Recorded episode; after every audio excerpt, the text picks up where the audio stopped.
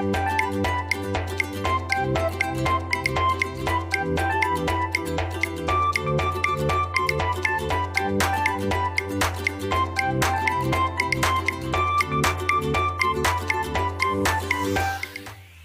warahmatullahi wabarakatuh. Balik lagi di sini dengan podcast Suara Wiri.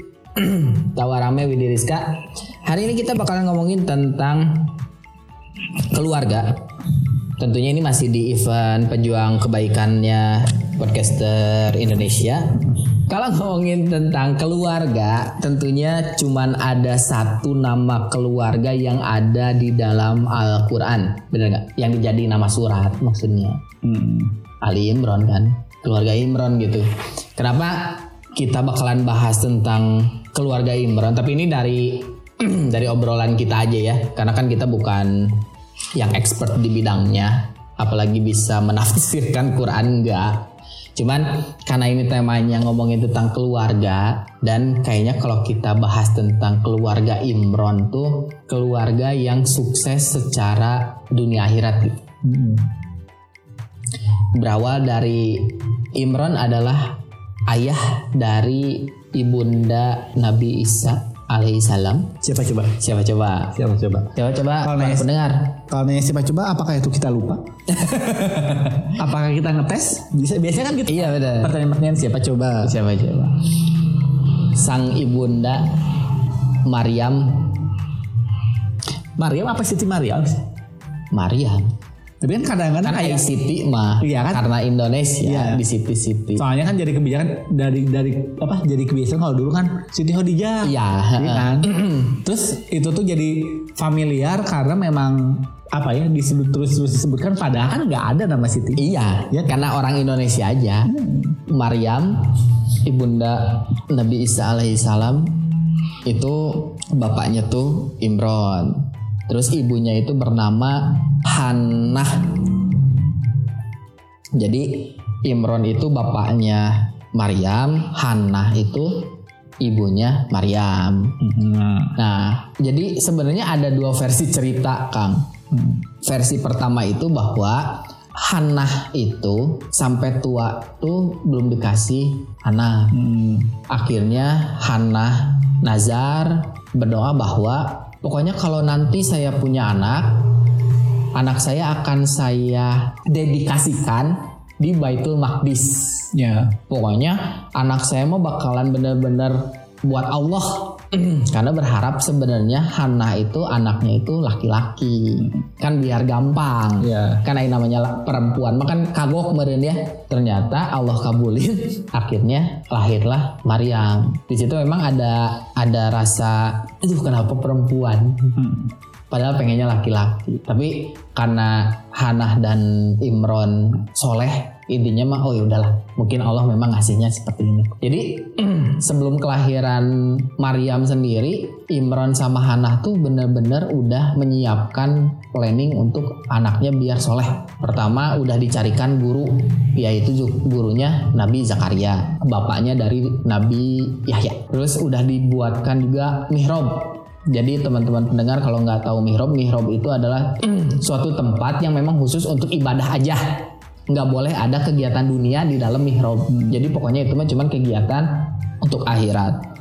Nah, di saat Maryam lahir itu benar-benar dikasih guru terbaik yaitu Nabi Zakaria. Maryam benar-benar didedikasikan untuk di Baitul Maqdis. Akhirnya sampai banyak riwayat itu menceritakan bahwa Maryam itu dilayani langsung oleh Allah Subhanahu wa taala. Jadi keperluan makannya, keperluan apa pun tuh benar-benar Jibril yang ngasih.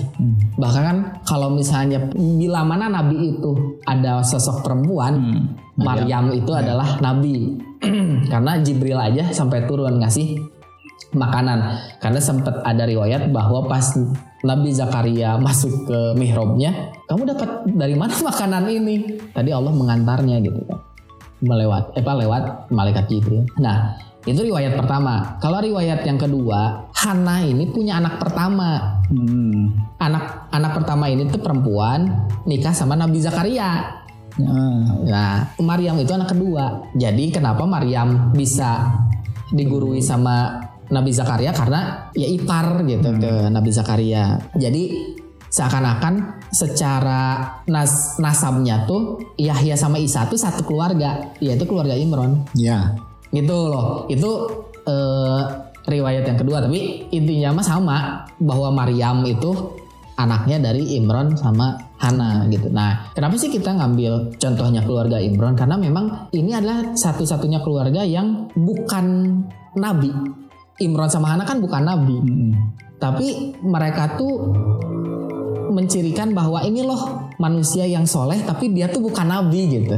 Untuk kita nih keturunannya dari Adam bahwa kalau ngomongin nabi mah memang nabi mah di, di apa ditahan dari yang namanya godaan setannya terus bener-bener nabi mah ada yang namanya mukjizat terus bener-bener dikasih kekuatan untuk tidak mengikuti hawa nafsunya gitu tapi ini mah yang bukan nabi yang bukan rasul, cuman seorang manusia biasa bernama Imron dan Hana ternyata bisa melahirkan orang-orang yang lebih baik, yang melebihi zamannya dan anak-anaknya tuh bahkan cucu-cucunya tuh jadi nabi dan rasul gitu. Buktinya apa ya itu Maryam kan melahirkan Nabi Isa alaihissalam. Terus eh, Nabi Zakaria juga kan melahirkan Yahya. Terus secara riwayat juga ternyata kan pada saat Nabi Zakaria lagi ngajarin Maryam ilmu agama kan Nabi Zakaria juga belum punya anak. Makanya kan ada doa yang terkenal tuh apa doanya Nabi Zakaria kalau misalnya pengen punya anak itulah doanya gitu. Bahwa Nabi Zakaria di situ minta ke Allah bahwa aduh saya juga pengen punya anak. Yang sama nih kayak Maryam yang memang dide- didedikasikan tuh untuk Betul Maqdis ternyata Allah jawab dan Allah langsung kasih namanya ya Yahya Yahya kan artinya hidup jadi kejadiannya juga sama bahwa memang Nabi Zakaria juga setelah di umur yang senja belum dikasih momongan juga. Nah, kalau menurut Widi, kalau kita nih berkaca dengan ceritanya keluarga Imron ini, berarti sebenarnya orang tua tuh jadi gini, kalau Widi mah di logika Widi berarti keberhasilan anak tuh gimana orang tuanya? Ya. Tuh. Bener nggak? Jadi gini, jangan pernah menyalahkan anak itu misalnya jadi nakal atau anak itu misalnya jadi ngelawan ke orang tua tanpa si orang tua tuh ngelihat gimana caranya dia mendidik anaknya gitu kan. Terus jadi kalau kata Widi untuk para orang tua harus sadar bahwa yang namanya keluarga itu awalnya memang dari kalian. Ya. Kalian yang maksudnya nasib si anak tuh gimana kalian dalam artian nasib tuh baik buruknya si anak ya dari dari sifat sifat pola pikir karena kan mereka em, mengimitasi. Misalnya kan ada kadang oh ima juga bapana oh ima juga indungna gitu loh kang. Jadi mengimitasi si orang tua gitu dari sikapnya. Kadang kan dari pembawaan ngomongnya eh ima cina juga bapak pisan cina gitu kan. Atau misalnya kayak Cila tuh Cila kan kayak Teh Maria banget gitu kan. Dari ya gitulah gitu maksudnya kayak ibunya banget gitu. Ya makanya Widi sadar bahwa nggak ada yang namanya anak itu nakal atau nggak ada yang namanya anak itu sampai rusak kalau memang si orang tuanya juga benar ngedidiknya gitu. Ya, secara ini sih memang kayak gitu ya harusnya maksudnya proporsional atau apa ya? Perfeksionis. Nah, secara sempurnanya kan gitu ya, harusnya gitu. Tapi kan tidak menutup kemungkinan juga lingkungan Eh, lingkungan bisa. Contoh kita ambil Dian Sastro. hmm. Dian Sastro kan ibunya Kristen, Mm-mm. Katolik. Hmm. Bapaknya Buddha. Mm-mm. Dia jadi Muslim. iya Ya, betul Tapi memang harusnya memang pendidikan anak itu gimana orang punya, tapi juga kan kita juga bisa lepas dari dunia pendidikan ya. Dunia Pendidikan, eh, maksudnya lingkungannya, Iya. pendidikannya juga gitu. Ya harusnya sih memang kayak gitu makanya kan kadang dulu eh, nggak tahu sebenarnya sih eh, mungkin eh, apa sih namanya tuh kalau mau anak ganteng baca surat Yusuf lah oh iya kalau pengen cantik baca surat Maryam lah Iya, iya, iya, Kayak iya, iya. itu kan sebenarnya nggak ada hubungan nggak ada hubungannya Cuman karena mungkin Yusuf tuh karena ketampanannya gitu kan. Iya. Sebenarnya gara-gara itu gitu. Iya. Kita pengen tampannya kayak Nabi Yusuf lah. Iya. gitu. Kalau enggak akhlaknya kayak Maryam gitu Iya. kan. Nggak ada hubungannya sebetulnya. Iya. Kar- Karena mungkin dari situ jadi orang-orang tuh baca surat itu. Tapi kan sebenarnya nggak ada hubungannya. Memang dari orang tuanya iya. Cuman harusnya gitu. Cuma kan tidak menutup kemungkinan juga. Gitu kan maksudnya. Misalnya nih. eh, Khairul Tanjung ya kan anak singkong disebut ya Iya kan? ha. Tapi memang mungkin dari pendidikan dari didikan orang tuanya, tapi kan orang tuanya eh, kita, kita ambil kan nggak berada ya. Iya betul. Tapi bisa jadi kayak gitu gitu Ah, maksudnya. Jadi tidak menutup kemungkinan bahwa selain dari didikan orang tuanya juga gitu maksudnya. Ya si anak juga harus berusaha sendiri Hmm, gitu akhirnya. Ada juga yang kita udah siapkan semua. Kalau Bapak lihat anak-anak TK sekarang udah les bahasa Inggris, udah les Ya, matematik, ah, udah les segala macam sama dia dilesin. Bapak lihat dari Kobuzer bilang apa? Iya. Iya kan? Kadang-kadang ada orang tua juga yang dia berpikir saya tuh udah melakukan yang terbaik loh buat anak saya. Mm-mm. Tapi kadang-kadang nggak ditanya anaknya tuh sebenarnya kamu tuh suka apa Betul. sih? Mm, Gitu. mm, mm. Kadang-kadang kita memang melakukan yang terbaik untuk anak udah pasti. Cuman kadang-kadang kita sendiri tuh kayak mendoktrin anak tuh kamu tuh harus gini gini gini loh. Biar gini gini gini gini Iya, loh gitu iya. maksudnya tuh. Kadang-kadang yang menurut saya tuh ya keliru lah ya. Maksudnya nggak pasnya kadang-kadang kan anak tuh punya keinginannya sendiri. Iya. Kadang-kadang kalau Dedi bilang kamu tuh nggak pintar matematik, kamu harus matematik loh. Iya. Harusnya nggak harusnya nggak gitu. Kamu tuh nggak pintar matematik, tapi kamu pintar gambar. Kamu les gambar, matematik mah nggak Iya. usah. Tapi kalau di kita kebalikannya kan, Iya. wah kamu kurang nih di matematik. Iya. Les dong matematik biar Iya. nilainya bagus. Padahal kan si anak belum tentu juga dia suka matematik gitu. Iya, benar. Dia senangnya di di di gambar, di lukis, di apa. Jadi dari si orang tuanya juga harus bijak gitu Hmm. maksudnya. Jangan sampai memaksakan keinginan anak orang tuanya sendiri itu ke anak. Atau juga kadang-kadang gini, ada orang tua yang, aduh saya cita-citanya dulu jadi dokter nih, Hmm. tanya gitu kan. Tiba-tiba, aduh nggak kecapean. Oh saya punya anak. Mungkin dari segi biaya ada sih. Iya. Nah, kan kita paksain ke anak kita, sok mau apa, les apa gitu. Tapi kalau anaknya nggak suka gitu, Iya. kasihan juga sebenarnya. Tapi memang yang harus memang dilakukan orang tua memang kayak gitu. Cuman maksudnya ada beberapa hal nggak dari situ aja loh gitu membuat anak tuh jadi sukses gitu. Iya. Kalau Geno udah pasti ya, Iya. muka mah udah pasti lah. Masa nggak mirip bapak? ha, benar. Mukanya berarti kan bukan anak bapak sama ibu kalau nggak mirip.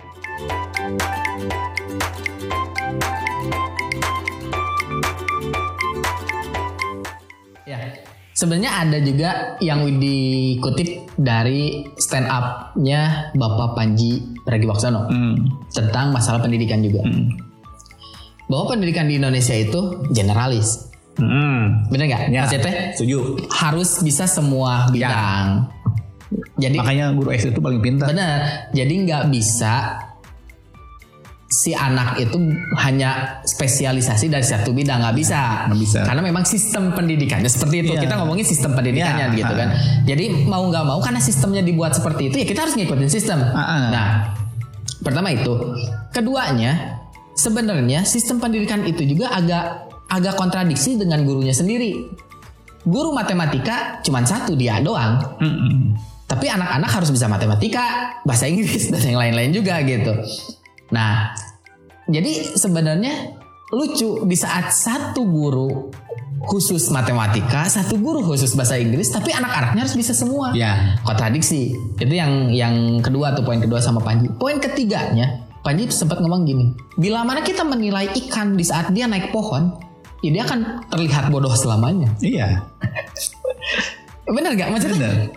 Bukan hebat kan? Iya bukan nggak mungkin maksudnya dia dia tuh jagonya berenang terus disuruh naik pohon. Ya dia pasti pasti disebut bego dong. Heeh. gimana pun juga lu pasti disebut bego. Kayak misalnya monyet disuruh misalnya nyelam. Ya nggak mungkin gitu. Nah jadi seakan-akan bahwa dari situ aja kan hewan aja udah ada spesialisasinya masing-masing. Gini di saat satu orang ini dia spesialisasi di satu bidang lah anggap. Misalnya dia spesialisasi di bidang gambar. Memang dia bakalan fokus di situ. Tapi nanti juga pasti dia juga belajar tentang keuangannya kok karena kan dia pasti nanti ngejual karyanya gitu loh kalau di kita mah kan kita harus bisa semua tapi nggak mendalam pak Iya, akhirnya kan nggak muncul. Iya. Karakter kita itu jadi nggak muncul. Akhirnya kita kan, iya gitu. Akhirnya, oh si ini ranking satu nih. Wah si ini matematikanya bisa, bahasa Indonesia bisa. iya Cuman kita lihat menurut bukan menurut pengalaman sih, ada beberapa pengalaman saya nih. Saya eh, merhatiin teman-teman yang teman-teman sekolah lah. hmm. Nubah sok mabal, Mm-mm. gitu maksudnya. Nubah sok mabal, ya sekolah biasa aja gitu-gitu aja. Sekarang, eh kok dia punya usaha sendiri ya? ya Kok dia jadi bos sekarang ya? Eh. Maksudnya bos di usahanya sendiri. Iya. Kalau gini, kalau orang yang dulunya ranking 10 besar aja, rajin sekolah. Dan dia sekarang kerja di perusahaan terkenal udah biasa. Iya, dia kan? Bener bener, bener kan? Iya. karena memang oh dia ranking satu terus tiba-tiba dia bekerja di salah satu perusahaan terkenal ya, ya udah biasa. Tapi ini mah orang yang sekolah juga kadang-kadang masuk kadang-kadang enggak gitu loh. Ada loh beberapa yang gitu dilihat sekarang yes jadi polisi. Iya. es jadi tentara nih gitu maksudnya. Es punya usaha sendiri. Itu kan sebenarnya yang lihat kita kita kan nggak tahu. Mungkin dia memang nggak suka dengan dunia pendidikan akademis terlalu formal itu kan. Mungkin gitu Iya, kan kita nggak taunya gitu. Tapi kan orang tuanya mana sih kudu sekolah? gitu. Iya. iya cuman nah nilai mana? Kenapa sih nilai kamu ini jelek terus? Gitu. Ya mungkin dia memang tidak spesialisasi di situ gitu. Kalau menurut Dedi kan ya udah sekarang berapa nilai? 5 matematik 5 ya udah besok 6 ya Hmm. Udah nggak nggak usah 9, 7 aja 7 cukup. Nah gitu loh maksudnya Iya. anak tuh harusnya sekarang tuh gitu. Kita jangan melihat tuh dari nilainya cuman ya kalau kemampuan anaknya di situ Pak Iya. gitu. Udah kapasitas tertingginya mentok di situ ya udah dah kita kan nggak bisa ngapa-ngapain. Iya, benar. Itu kan udah pemberian dari Allah. Masa kata Allah kapasitasnya 7, kita paksain 10 ya nggak bisa gitu. Maksudnya ya orang tua juga harus sadar gitu Hmm, Iya, maksudnya. Karena pelajaran kelas 1 SD sekarang jangan SD TK aja kada dulu TK saudara saya ada PR Pak TK Hmm. TK kan taman kanak-kanak ada PR segala gitu Iya. mungkin karena si sekolahnya mungkin pengen wah lulusan TK ini Ah, iya. udah bisa gini nih Iya, gitu iya, kan. iya, iya, Dan iya, salahnya iya. kan kadang-kadang Iya, iya, gitu iya. atau mungkin saya nggak tahu sih kan kita tuh harus meninggal ke- ketertinggalan dari negara lain nih. Caranya ya, dari bawah tuh kita harus sudah Iya. bisa mungkin itu. Tapi caranya yang kurang tepat sih. Kalau bilang saksi jangan ya. Mungkin Iya. caranya kurang tepat. Ya makanya yang dari dari keluarga yang kita bisa eh, dengerin dari ceritanya kan memang mereka persiapkan semuanya gitu Iya. maksudnya teh memang itu harus dipersiapkan segala kan ma- mana ada sih orang tua yang tidak mau anaknya sukses ya Hmm. gitu maksudnya tapi balik lagi ya kita juga harus tahu keinginan anaknya juga Iya. gitu maksudnya itu loh Iya. Terus kan kalau misalnya, ya mungkin kan gini, yang kalau ngomongin tentang keluarga Imron kan lebih spesifiknya sebenarnya ke hal agama ya, Iya. gitu kan. Terus yang tadi kita bahas juga kan itu lebih ke global gitu. Iya. Sebenarnya gini, kalau yang Widi lihat sih, di saat memang kita bener-bener ngikutin perintahnya Allah lah, ya Allah kasih jalan semua. Jadi kalau Widi sendiri sih karena Widi juga ngalamin yang namanya mencoba untuk jadi yang lebih baik lah. Jadi Widi percaya bahwa di saat kita ngikutin alurnya yang Allah perintahin, yang Nabi Muhammad SAW perintahin juga di sunahnya gitu. Ya insya Allah gitu. Walaupun ya maksudnya gini, walaupun memang yang namanya lingkungan selalu jadi faktor penunjang ya. Iya. Walaupun kita memang di di rumah belajar tentang agama di luar mungkin lingkungannya misalnya tidak seperti itu memang bisa jadi faktor perusak juga sebenarnya. Cuman kan seenggaknya kalau misalnya kita ngasih perlindungan lah ya kayak ada barrier gitu ya moga-moga si anak juga lebih tahu mana yang bakalan dia ambil gitu. Kan sebenarnya di saat nanti dia udah menginjak akil balik mah orang tua juga kan udah ya udahlah gitu kan. Tapi kan seenggaknya ya menurut sunahnya kan bahwa yang namanya pendidikan agama di Islam kan mulai dari umur 7 tahun aja udah harus disuruh sholat. Udah mulai ada pembelajaran tentang Al-Quran. Soalnya kan ada kalau nggak salah siapa ya? Teh Nini gitu atau siapa bilangnya? Kalau usia anak di atas ya 7 lah. Hmm. kalau dari 0 sampai 5 sampai 7 tahun ya udah kita sayang-sayang gitu kan ya. Hmm. kalau dari 7 tahun sampai 13 tahun tuh kita harus perlakuan anak tuh kayak pembantu. Hmm. itu kenapa harus kayak pembantu? Jadi harus belajar beresin baju sendiri Iya. gitu loh nyuci sendiri nyetrika sendiri gitu maksudnya teh. Hal-hal yang keras tuh kita memang harus diajarin dari umur 7 tahun karena karena nanti setelah dia masuk fasenya anggap aja 13 tahun nih SMP Iya.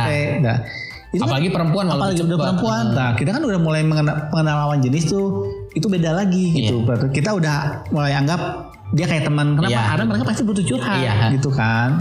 Dan nanti dari 17 sekarang kan dewasa beda lagi. Beda lagi iya benar makanya kenapa itu harus dilakukan karena tidak menutup kemungkinan bukan tidak menutup kemungkinan sih kadang-kadang yang kita lakukan mungkin kayak ih ke anak kasih ini umur segitu suruh nyuci suruh ngepel tapi itu tuh bermanfaat banget Hmm. Iya, nanti pas saat benar, dia benar, dewasa benar. gitu maksudnya hal-hal yang kayak gitu tuh karena nggak kan belum tentu pada saat dia dewasa dia tuh sukses punya pembantu Iya, nggak? bener, bener. belum tentu dia juga pas udah dewasa dia bisa cuci kalau dia dia punya uang Iya, gitu bener. kan kan kita nggak tahu gitu makanya kita mempersiapkan hal yang terburuknya dulu gitu Bener sih kalau soft skill soft skill kayak gitu mah kalau kata Widi penting karena itu yang Widi rasa. Oh jadi di saat kita nanti udah mulai menginjak kuliah di, di beda kota kota kan kita harus bisa nyuci Iya. sendiri, kita harus bisa jaga diri sendiri gitu.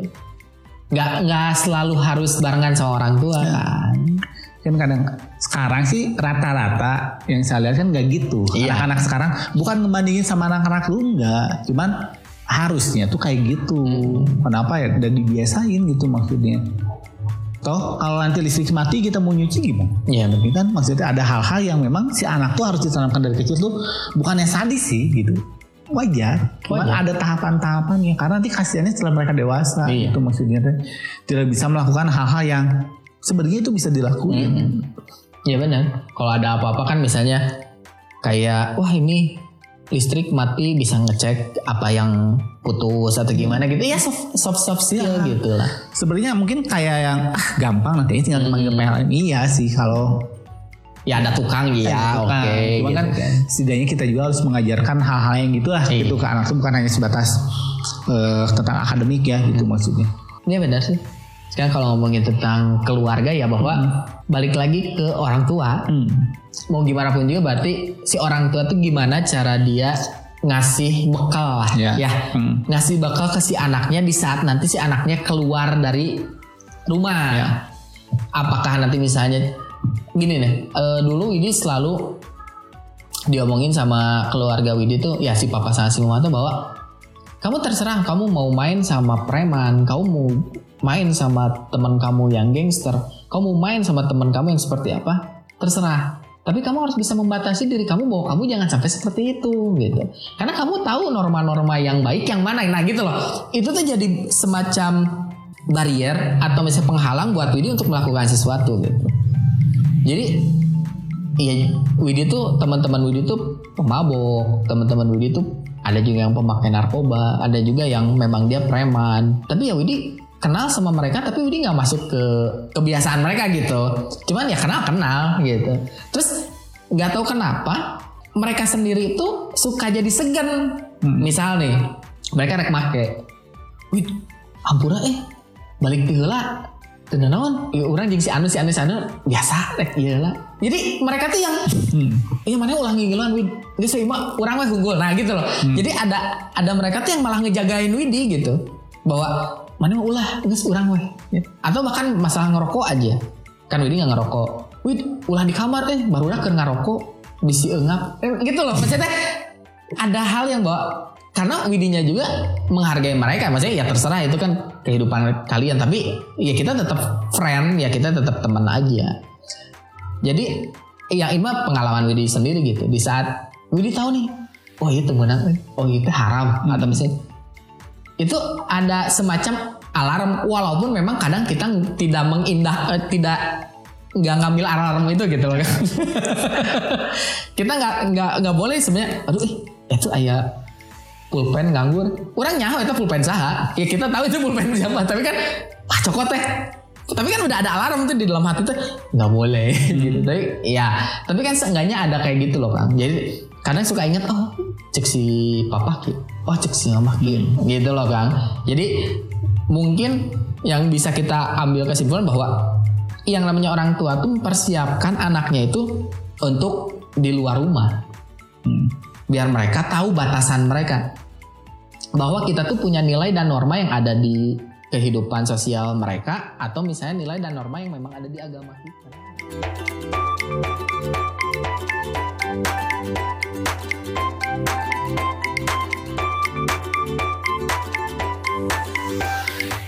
Ya kan sekarang ya nggak tahu sih kalau menurut Widi ya jadi dilematik juga bahwa yang namanya sekarang kemajuan teknologi kan bikin si anak juga kan di luar batas sebenarnya. Ya. Tanpa kita juga ngecek kumaha di, di jero HP kan kita nggak tahu. Ya. Apalagi di password. Nah itu. Karena banyak kejadian kan Widi nih suka nonton The Police yang di Trans 7. kan transaksi narkoba sekarang kan lewat line. Kan gampang kan maksudnya teh. Saya pesen anu oke. Iya, iya sip udah hapus hapus. Jejak hilang. Lebih lebih dipermudah gitu segalanya. Kalau buat teknologi sekarang, emang saya juga ngerasain sih. Maksudnya orang tua tuh harus ikut. Kalau anak suka itu memang harus ikut ya. Mm-mm.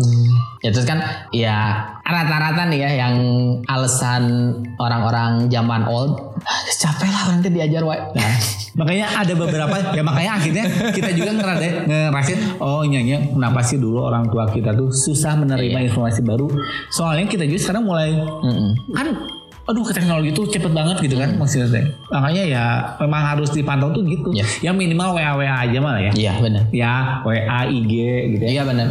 Karena ya kalau ini sih ngelihat Deddy Kobuser sama anaknya Aska, ya hal lucu gitu. Yang bawa tadi kamu nonton video porno ya? Lucu gak sih maksudnya obrolan anak sama bapak kayak gitu? Oh enggak. Gitu kan. eh, lu suka sama ini ya? Apa? Si Cinta, Cinta. Ya cinta Laura, ah, cinta Laura.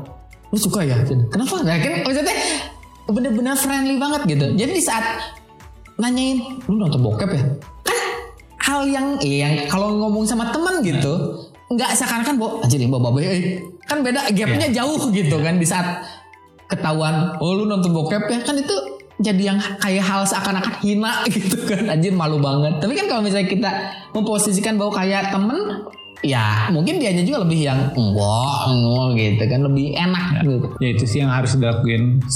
Orang tua tuh memang kayak gitu. Maksudnya ya ada di kebutuhan tuh role model lah sebenarnya gitu Iya, maksudnya. buat ngeliat kayak memperlakukan anak tuh kayak Iya. gimana. Dan dia juga kan tahu batasan-batasannya gimana. Cuman kan yang enaknya kalau udah sama orang tua gitu kan si anaknya terbuka loh gitu Iya, maksudnya. Heeh. kan yang diperluin sekarang tuh itu Iya. itu maksudnya si anak tuh terbuka sama orang tuanya. Terlepas dia melakukan hal apa-apa kan Iya. maksudnya. Kalau ditanya jujur kan sebenarnya nggak masalah. Masalahnya kan oh dia sudah bisa udah berani mengungkapkan hal jujur meskipun itu salah. Iya. itu loh. Yang susah tuh kan itu sekarang gitu kalau kesalahan kan masih bisa kita benerin ya Iya benar. Oke, udah 30 menit kita ngobrol tentang keluarga. Terima kasih udah ngedengerin. Semoga bisa menginspirasi. Oh, iya. Moga-moga bisa jadi bahan renungan buat teman-teman pendengar. Ya udah. Wassalamualaikum warahmatullahi wabarakatuh.